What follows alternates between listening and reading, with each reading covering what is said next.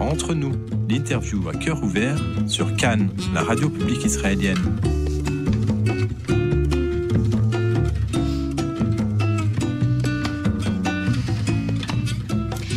Bonsoir à tous, bonsoir chers auditeurs, au micro Emmanuel Ada et Carole Azoulay. Bonsoir. Bonsoir Carole. Alors une nouvelle émission entre nous et nous avons le plaisir d'avoir avec nous en studio cette semaine une invitée qui vient de Paris mais qui fait des allers-retours sans arrêt entre Tel Aviv et Paris. C'est Nicole Riahi. Bonsoir Nicole. Bonsoir Emmanuel. Bonsoir, Nicole. Carole. Alors dans notre émission euh, Nicole, nous avons l'habitude avec euh, Carole de dresser le portrait de nos invités. Donc voilà, on commence par ça.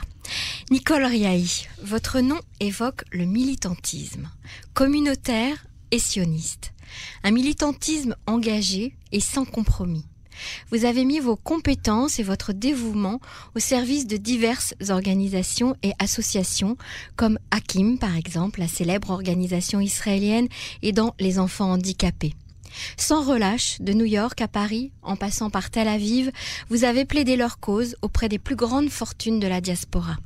La tête haute et sans jamais avoir froid aux yeux, vous êtes de ces femmes à qui rien ne résiste tant elle est sûre que sa cause est juste.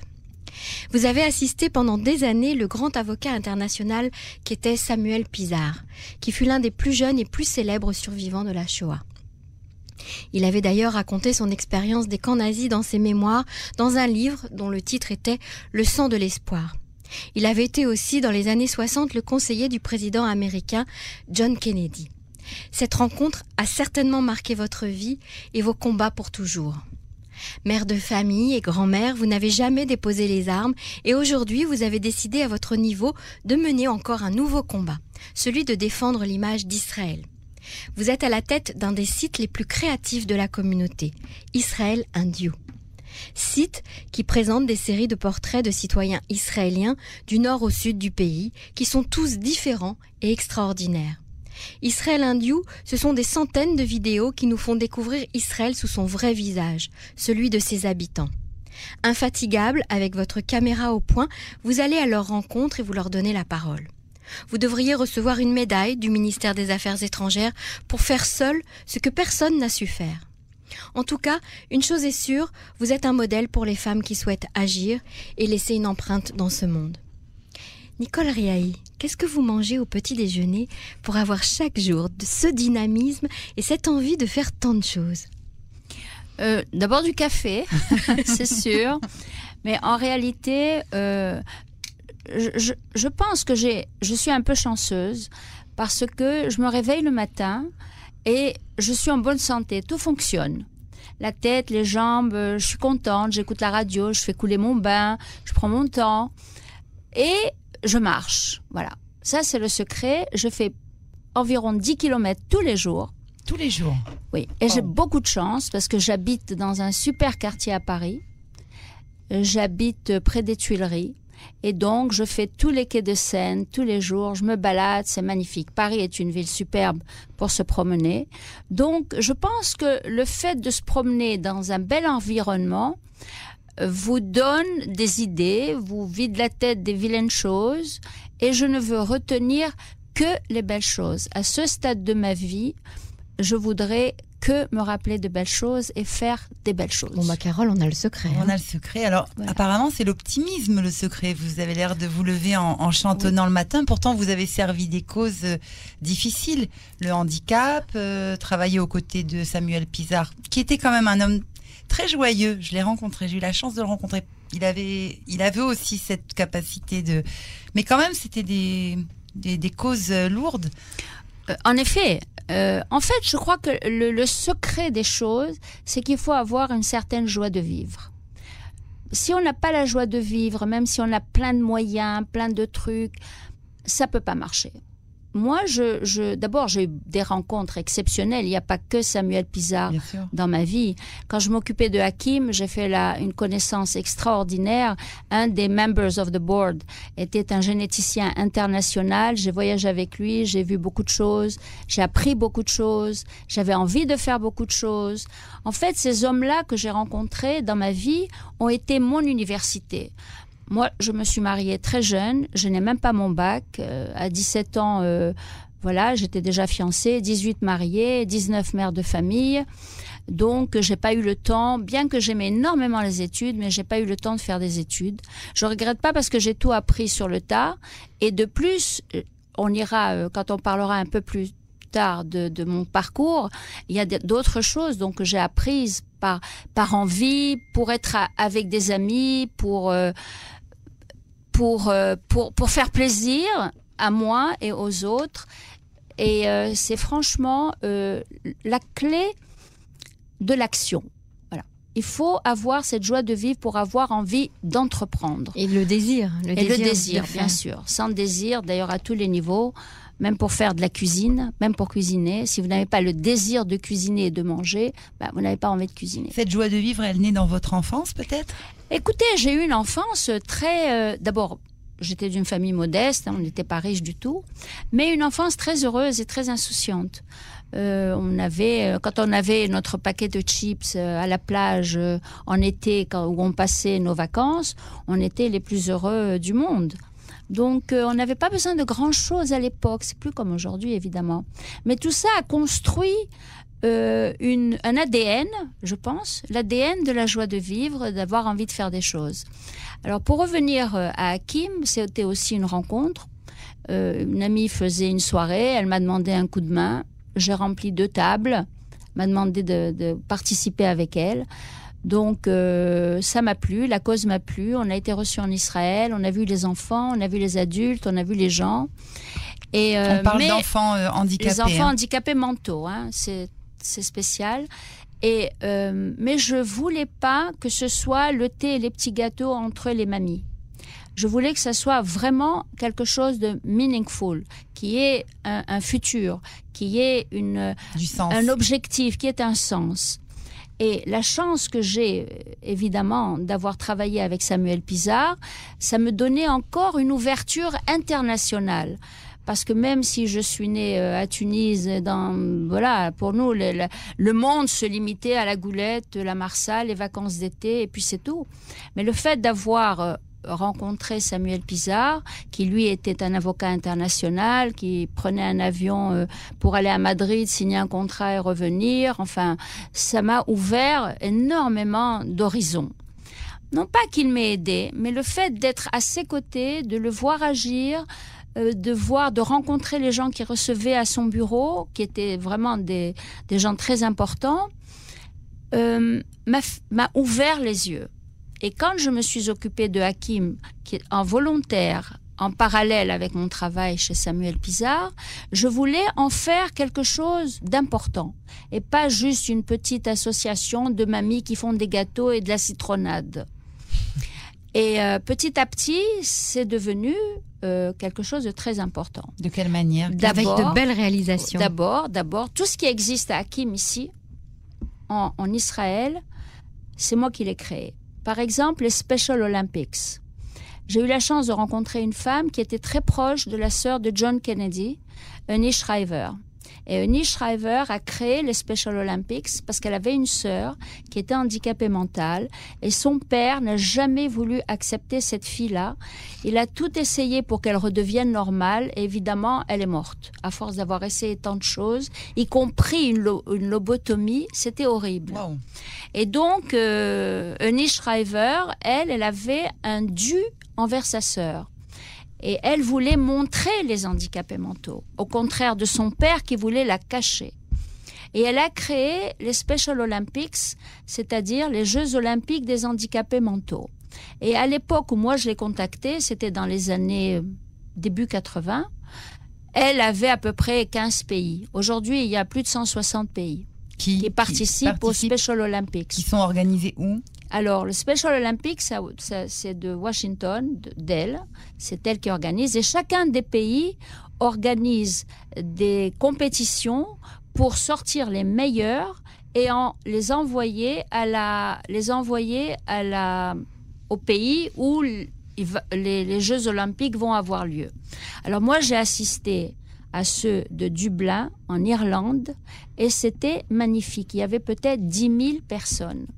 La soirée était inaugurée par la première ministre, c'était une femme à l'époque d'Irlande. Il y avait U2, il y avait Bono, il y avait euh, Pierce Brosnan, il y avait Schwarzenegger avec sa femme, il y avait tout le monde. Du Et- beau monde. Et, et en plus, ce qui était magnifique, c'est qu'il y avait tous les participants de tous les pays, de tous les pays. Et euh, je me Donc rappelle. vous vous êtes inspiré de, de ce modèle en fait. Non, c'est-à-dire que nous, on était déjà là. Israël était déjà partie prenante aux Special Olympics. Pendant quatre ans, ils ont, euh, j'ai vé- vérifié dans les stades, ils ont préparé des athlètes pour être capables d'affronter des équipes d'autres pays, etc. Donc, c'est vraiment le même système que les Jeux olympiques internationaux. C'est la même chose sauf qu'on s'adresse à une population handicapée mentale. Euh, je vais vous raconter juste une anecdote. Euh, Il y avait la, la compétition de foot, de football, et c'était entre Israël et l'Arabie saoudite. Alors le coach des joueurs de l'Arabie saoudite a dit, moi, je ne joue pas avec les Israéliens. Le coach des Israéliens était un Arabe israélien. Il va lui parler et il lui dit, écoute, c'est du sport, c'est des handicapés mentaux. On a tous travaillé quatre ans pour arriver ici. Donc, il faut jouer. L'autre ne voulait rien entendre et il lui a dit, tu sais, si on joue avec vous, c'est un danger pour nous. Mais ce qui s'est passé, contrairement à ce qui se passe maintenant, c'est que eux, ils ont été disqualifiés. L'Arabie saoudite a Ah été oui. disqualifiée et ça a fait les grands titres du journal local, du journal de Dublin. Ça serait Donc- bien si ça pouvait être euh, comme ça ce n'est plus le cas maintenant. plus le C'est- cas. La preuve, on a vu avec les judokas, israéliens qui ont dû dissimuler leur euh, identité parce que on ne on les accepte pas. Donc là, ça, franchement, ça a été un truc extraordinaire. Donc, évidemment, les Israéliens qui sont toujours, qui veulent montrer qu'ils sont toujours mieux que tout le monde, euh, ils ont collecté un nombre incalculable de médailles et chaque fois, il y avait l'hy- l'hymne israélien avec les médailles, avec les trucs. C'était extrêmement émouvant. Combien d'années voyez- avez-vous travaillé pour euh, Hakim? Pardon? Combien d'années vous avez euh, Alors moi, j'ai collecté des fonds et j'ai fait des, des événements pour Hakim pendant 27 ans. Pendant 27 ans, donc ça c'était donc dans les années euh, 80. Ensuite, euh, on a fait plein d'actions, bien sûr, puisqu'on a construit des, des hostels, des- des maisons pour les handicapés euh, adultes. Ensuite, les adultes, il fallait faire des maisons de retraite. Donc tout ça, au fil des années, au fil des 27 ans, il y a eu évidemment un changement de, de population. La population vieillissait, les parents n'étaient plus là. Donc il fallait trouver une, solution pour tous ces gens-là. D'ailleurs, je veux remercier ici le maire de Ranana, qui a été extraordinaire. Il y a deux maires qui ont été extraordinaires. Le maire de Tel Aviv, Chich, à l'époque, qui nous a donné un terrain pour construire ce qui est aujourd'hui le siège de Hakim. Et dans le siège de Hakim, au rez-de-chaussée, il y a une école pour des petits. Je suis retournée l'année dernière et j'étais contente de constater, et c'est ce que j'ai fait après, qu'il y avait des familles musulmanes qui apportaient leurs enfants, qui attendaient là, euh, que leurs enfants aient le- le- les soins euh, qu'il leur fallait. Et j'ai interviewé une mère et je lui ai demandé si elle était contente des soins qu'on donnait à ses enfants. Elle a dit, s'il n'y avait pas ça, moi je serais à la maison avec mon enfant et il n'aurait pas progressé. Alors quand on entend ça et qu'on lit les journaux, qu'on voit les télévisions, on se dit tout de même, il faut bien que quelqu'un se réveille et dise, non, ce que vous lisez, c'est faux. Ou alors, en tout cas, c'est pas l'entière vérité. On en vient justement à, Justement, à je cette veux faire deuxième, le, euh, je veux faire Merci le de nous joint. tendre la perche. Oui. Avant de parler de, de votre site, vous avez euh, milité au sein de la communauté juive de France pendant vraiment très longtemps. Euh, quelle, quelle image avez-vous aujourd'hui de, de cette communauté? Comment va-t-elle? Je vois que vous voulez que je me fâche avec des gens. Avec personne, on se fait du souci pour Non. nos frères de France. C'est vrai. Il y a de quoi se faire du souci. En fait, ce qui se passe avec la communauté en France, c'est que on a toujours les mêmes depuis trop longtemps. Il n'y a plus d'idées nouvelles. Il n'y a plus de, de folie nouvelle qui pourrait faire que les choses bougent. Là, bientôt, il va y avoir euh, les élections de consistoire. Mhm. Il y a femme une se femme présente. qui, voilà, Guggenheim, Mhm. euh, qui se- s'est déjà présentée la fois d'avant. Évidemment, elle n'a pas été, elle n'a pas été retenue. Et cette fois-ci, elle recommence. Mais je crains fort que c'est toujours pareil.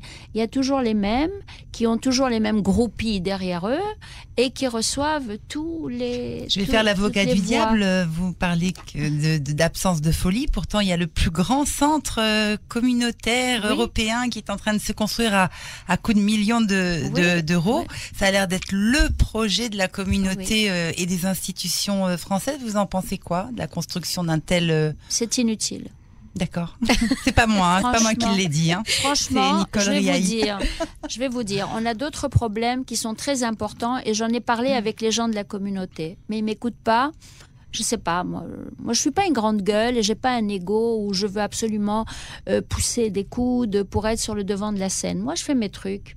Puis si les gens veulent me suivre, très bien. Euh, Pourquoi c'est inutile? Alors, je vais vous dire pourquoi. Ça coûte une fortune. Nous avons d'autres problèmes dans la communauté. Par exemple, dans les banlieues où des familles juives, religieuses ou pas trop religieuses ou traditionnelles, qui vivent dans les mêmes HLM que des familles musulmanes, peut-être pas toutes les familles leur veulent du mal, mais en tout cas, il y a des familles qui leur veulent du mal. Les enfants sont en danger. J'ai demandé à des personnes de la communauté pourquoi est-ce que l'argent de la Tzedaka, par exemple, ne servirait pas à exfiltrer les familles qui sont en danger, et on l'a vu avec Sarah Halimi, qui avait un voisin qui l'a jeté par la fenêtre, tout simplement. Voilà. Donc, il y a quand même des dangers. Il y a des, des- des choses très urgentes Que vous a-t-on répondu quand vous avez posé cette euh, question? Mais on m'écoute même pas. Mm. On me dit ah mais c'est très compliqué. Comment voulez-vous qu'on trouve des appartements pour ces familles? Et puis peut-être qu'ils veulent pas bouger non plus. Je dis mais on n'a même pas essayé. On n'a même pas essayé. Donc on cache la poussière sous le tapis. Je sais pas si on le fait consciemment, inconsciemment, ou on s'en fout, ou on pense que ces familles vont finir par immigrer en Israël, parce que franchement, franchement, pour les familles religieuses, moi je crois qu'en France, il n'y a plus leur place. Moi, je suis pas religieuse et je n'évolue pas forcément dans ces milieux, mais je suis concernée parce que je- d'ailleurs j'ai vu un garçon avec une kippa dans la rue. Je lui ai dit pourquoi tu enlèves pas ta kippa? Tu veux que ta mère elle pleure? Donc vous, avez- vous, vous, vous avez Je l'ai vu cette dans la peur- rue. Vous avez cette peur de l'agression Oui, vous- oui, oui, Je vais vous raconter une anecdote très simple. Je suis allée, j'ai une, ma cousine est dentiste à la mairie de Saint-Ouen. J'ai pris la ligne 13 de métro. Il y avait deux femmes blanches dans le métro. Et la plupart des gens qui étaient là, c'était des Africains et des Nord-Africains. Donc, imaginez un seul instant un enfant, un ado, qui rentre chez lui, parce que les mairies de Saint-Ouen, c'est populaire, il y a des juifs qui habitent là, qui rentre chez lui et toute la, toute la rame, c'est que des gens, peut-être pas tous hostiles, peut-être qu'ils sont indifférents, mais il peut y avoir un parmi eux qui est hostile, bah, il n'arrive pas chez lui. Voilà.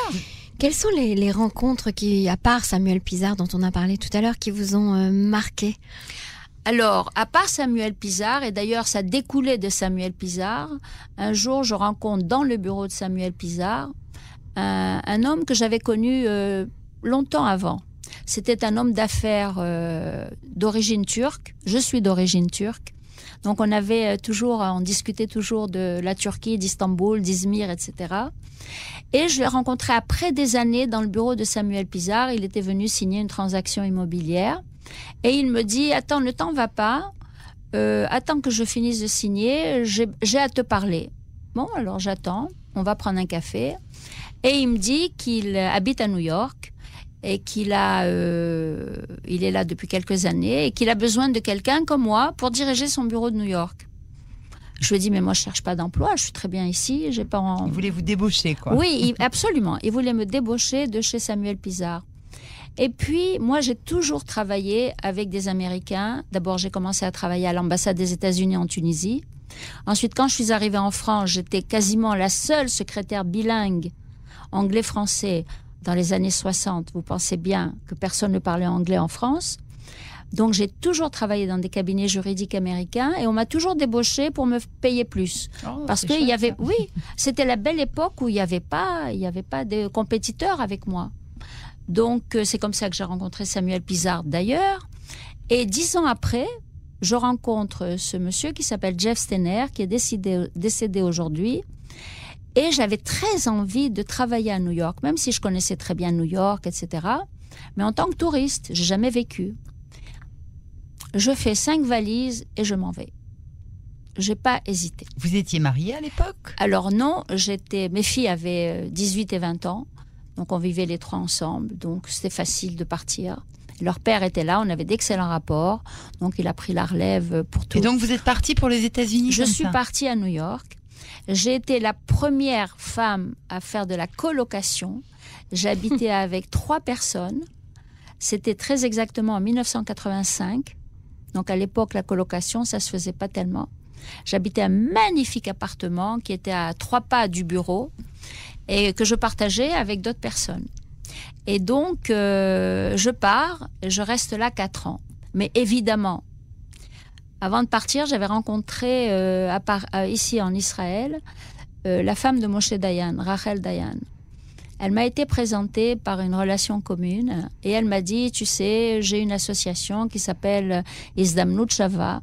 Ce sont des enfants très doués, mais qui viennent de milieux défavorisés. Est-ce que tu crois en, en Amérique, tu peux faire quelque chose? J'ai écoute, moi je pars maintenant, je sais pas, je connais peut-être six personnes, donc on va voir. Et, on a laissé la, la faire comme ça. Je pars aux États-Unis. Et ce patron, euh, Jeff Stener, qui n'était pas du tout euh, pro-Israël, euh, qui il donnait, bon, parce qu'on lui demandait, mais pas du tout. Donc je lui en parle. Je lui dis, voilà, il se passe telle chose. Qu'est-ce qu'on fait pour Madame Dayan?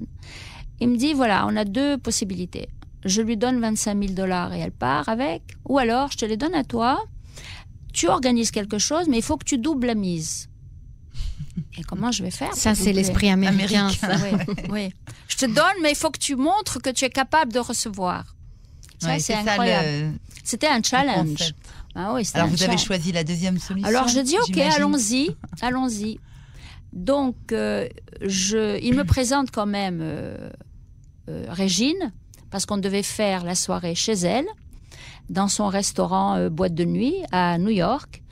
Et j'ai travaillé avec la secrétaire de Régine qui connaissait la terre entière à New York et on a fait une soirée magnifique. On avait le gratin de la, de la société new-yorkaise juive, les promoteurs immobiliers, les gens qui étaient dans les fourrures, les parfums, c'était Vous magnifique. avez récolté combien? Et le, attends, c'est pas tout. Le guest speaker était Bibi Netanyahu. Waouh En quelle année? Il est, ça, c'était en 85. Il était quoi à l'époque? Il était à l'époque l'ambassadeur d'Israël aux Nations Unies. Ah oui. C'est pour ça qu'il connaît Rouhani depuis ce temps-là, le, le fameux Iranien. Il le connaît depuis ce temps-là. Ils étaient les deux jeunes ambassadeurs à l'époque. Donc, Bibi Netanyahu donc, fait l'ouverture. On a ramassé 150 000 Ah, dollars. magnifique. On avait des raffles, c'est-à-dire on avait des ventes de... J'ai collecté des manteaux de fourrure, des bijoux de chez Fred. Oui, parce que dès que je disais, j'organise une soirée en l'honneur de, de Jeff Stener, tout le monde m'ouvrait euh, la, la poche. Il y avait Ça fait pas... partie de la culture américaine Oui. de, de donner, Oui. de venir à des soirées, d'assister. Ça n'a pas changé. Hein Non, C'est tout. toujours. Alors, ce qui est un- euh, aussi, qui m'a fait aussi progresser, donc je reste aux États-Unis pendant quatre ans, je travaille avec euh, Jeff Stener. Vous aimez Vous aimez cette- J'ai ce pays adoré, mais je me suis dit, je vais pas rester, parce que j'adore Paris. Donc, je retourne à Paris et, euh, et je reprends euh, mes activités euh, habituelles. Euh, je cherchais un emploi, mais j'ai tout de suite trouvé avec des amis, j'avais pas de problème. Et je décide de créer une agence immobilière.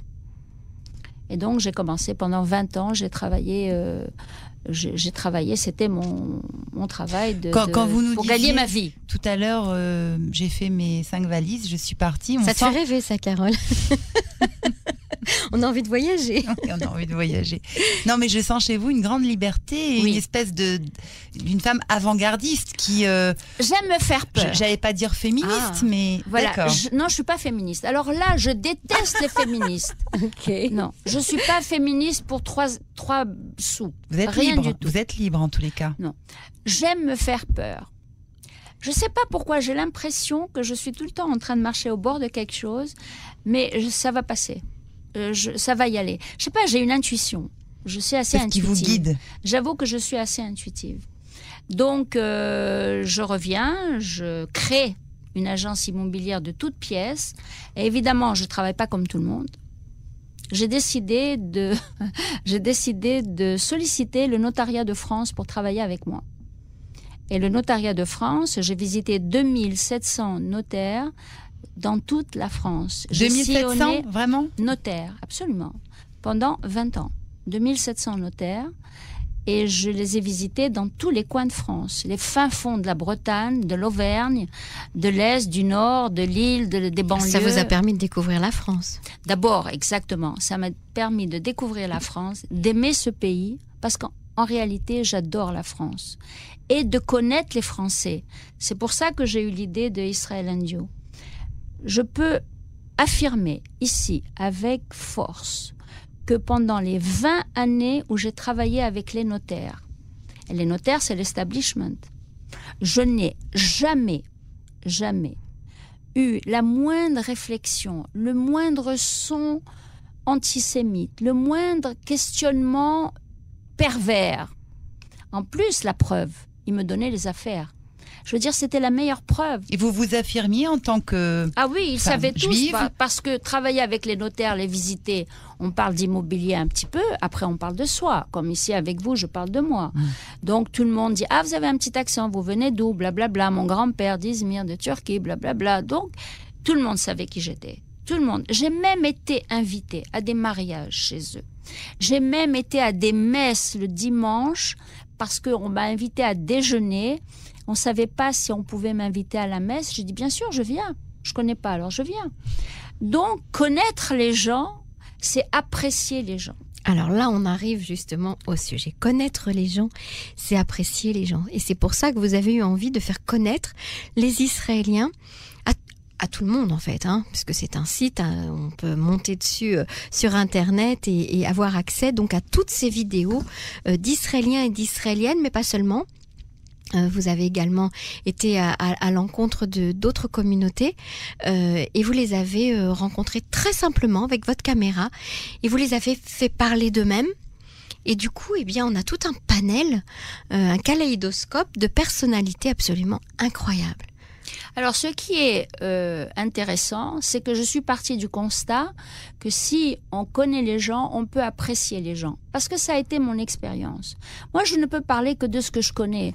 Bon, je suis très euh, attachée à l'information, j'écoute énormément de choses, mais je vais aussi sur le terrain. Donc, je me suis dit, on a toujours dit, les notaires, c'est l'establishment, ils sont antisémites, c'est blablabla. Bla, bla. Moi, j'ai pas eu ça. Bon, donc, c'était bien de connaître les gens. Et quand j'ai voulu euh, prendre ce... Imaginer, parce que je suis partie de rien. C'est juste un bout de papier avec dix lignes. J'ai écrit dix lignes sur une feuille de papier. Et avec ces dix lignes, j'ai convoqué des copains, des amis, des potes qui m'ont suivi, à, qui j'ai raconté ce que j'avais envie de faire. Et je me suis dit que si on connaissait le citoyen israélien dans son quotidien, pas des VIP, pas des politiques, pas du tourisme, pas la plage, pas tout ça, mais la personne qui se lève le matin, qui va travailler et qui à côté de son travail fait d'autres choses. Donc euh, j'ai eu beaucoup de chance parce que euh, j'ai travaillé ici, j'ai un interface ici qui était un ancien ambassadeur d'Israël dans plein de pays, je le connais depuis plus de 30 ans et on est resté amis.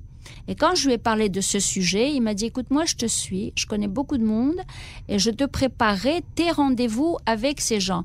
Parce qu'en réalité, les gens que j'ai interviewés, à part euh, trois ou quatre, qui étaient des amis, euh, d'amis d'amis, Mais les autres, euh, je les connaissais pas. Alors après avoir si- euh, sillonné toute la France, vous avez sillonné tout Israël. En effet, c'est pas c'est pas le même décor, c'est pas le même décor, c'est pas les mêmes, euh, la même nature, euh, c'est pas les mêmes gens, mais c'est le même principe.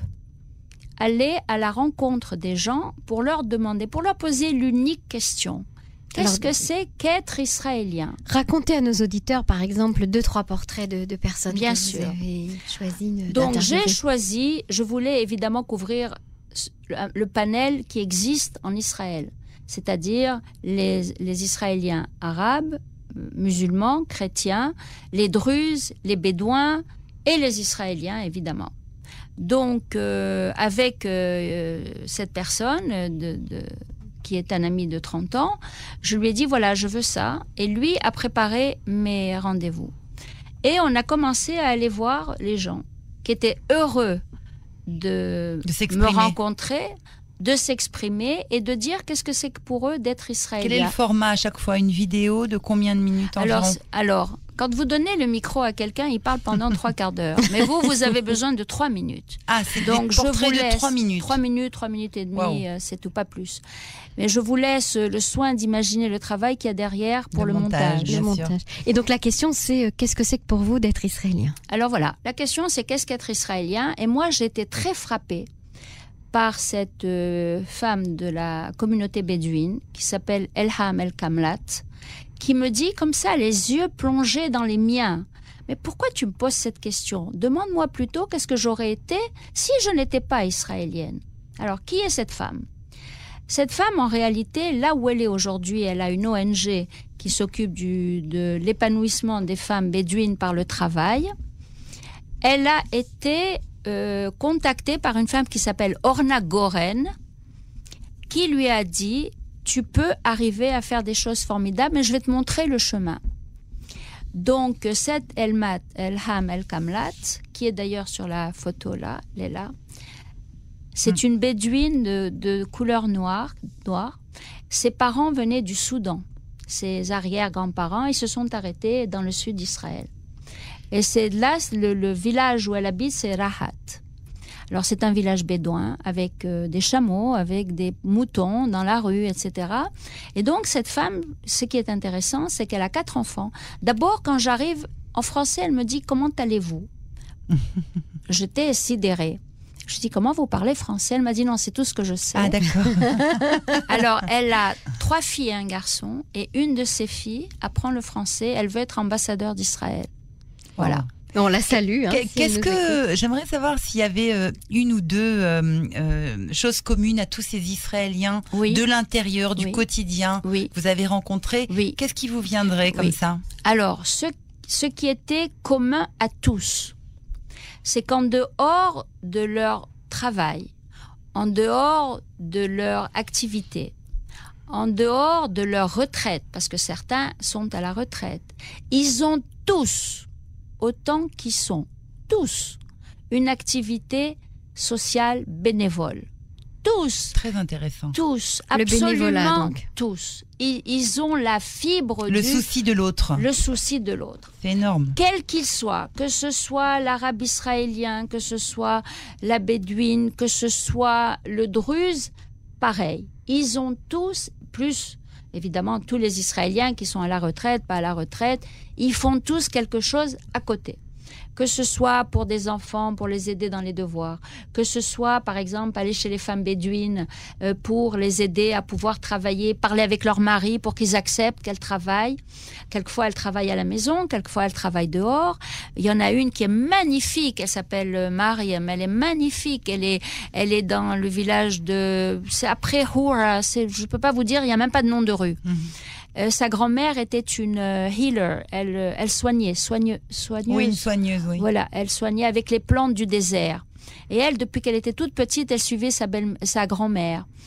Et elle a maintenant une euh, société qui fabrique des produits cosmétiques avec les produits du désert, Les avec les herbes du désert. désert. Ça s'appelle Abatamid Bach. Oh. Et là, je lui ai promis, j'ai essayé, mais j'ai pas réussi encore, de lui trouver une société française qui s'intéresserait à ce qu'elle fait. parce que vraiment ce qu'elle fait c'est formidable. Alors la fibre sociale, euh, le souci Alors, de la l'autre, et puis quoi d'autre encore? Alors, c'est la fibre sociale. Aussi, ce qui m'a surprise, parce que quelquefois on dit oui, mais ceux des minorités se plaignent parce que X questions. Euh, J'ai interviewé deux druzes. Un qui est un intellectuel qui enseigne à l'université et un autre qui est un politique. Alors le politique, c'est Zaidan Atashi, un type superbe, il mesure 2 mètres, avec des yeux bleus incroyables. Et euh, alors lui, il a été le premier représentant d'Israël aux Nations Unies. Premier. Pas ambassadeur, mais représentant. À l'époque, il n'y avait pas d'ambassade.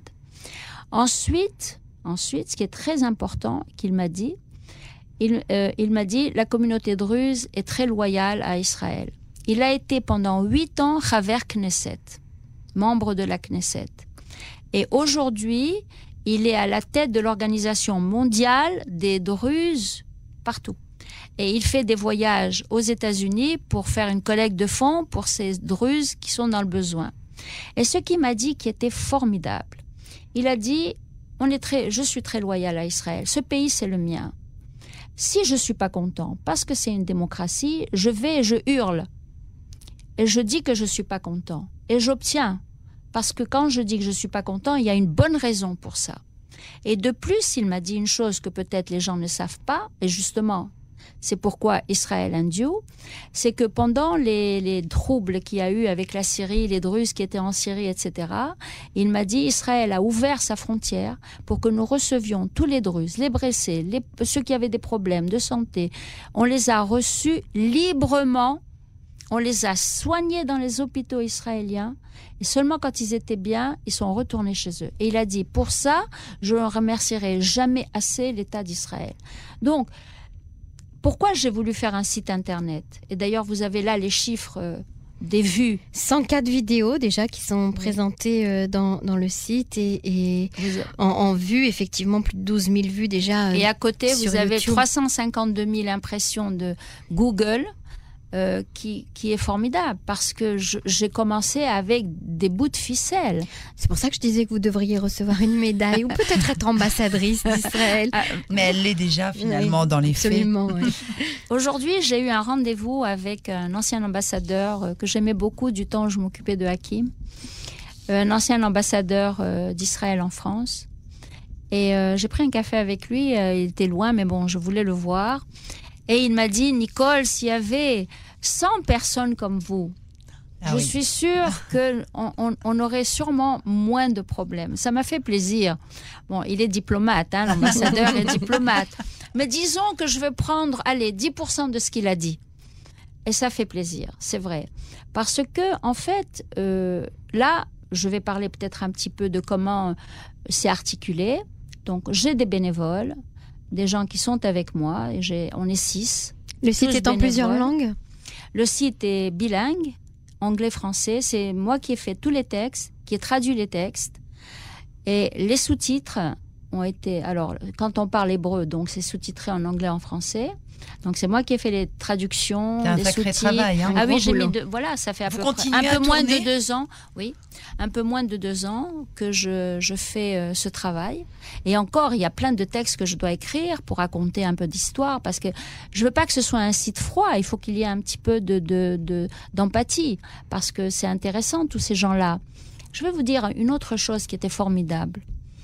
J'ai rencontré deux messieurs de 80 ans. Un s'appelle Yossi Chalevet et l'autre s'appelle Albert Sadé. Pourquoi ils étaient importants? Yossi Chalevet, s'il n'était pas allé en Chine pour s'occuper d'agriculture, entre guillemets, parce que c'était pas le but. Le but, c'était d'ouvrir une ambassade en Chine. Mais les Chinois n'en voulaient pas à l'époque. Et donc, il a fait, OK, je fais l'expert qui euh, travaille pendant cinq ans pour aider les Chinois. S'il n'y avait pas Yossi Chalevet au départ, il n'y aurait pas eu d'ambassade. Il n'y aurait pas eu l'exposition que j'ai vue à Jérusalem sur Ai Vai, le chinois. Il n'y aurait pas eu tout ça. Et ce monsieur Et ces qui a- millions de touristes chinois qui viennent en Israël Oui, aujourd'hui. Et ces Oui. exportations euh, qui Oui, sont en train d'incroyablement monter. Et, et le premier ambassadeur à Pékin était cet ami qui m'a aidé avec tous mes rendez-vous, etc. Donc la boucle est quasiment bouclée.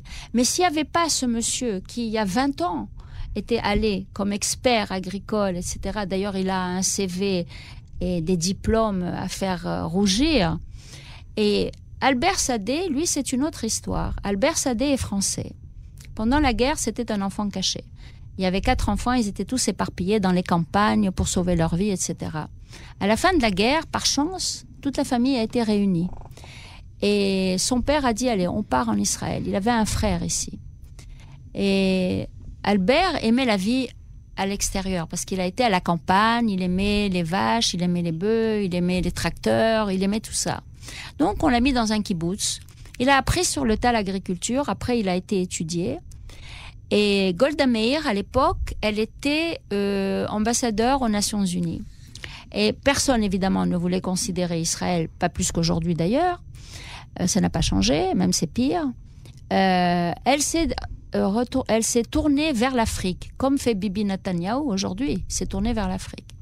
Et à l'époque, elle s'est tournée vers l'Afrique et elle a offert, même en n'ayant pas un centime, des bourses aux Africains parlant français les, anciennes colonies africaines. Et voilà qu'un jour, Albert Sadé, il voit débarquer chez lui dans son kibbutz une centaine de jeunes, 17, 18 ans, 19 ans, africains, pour apprendre ce qu'il sait.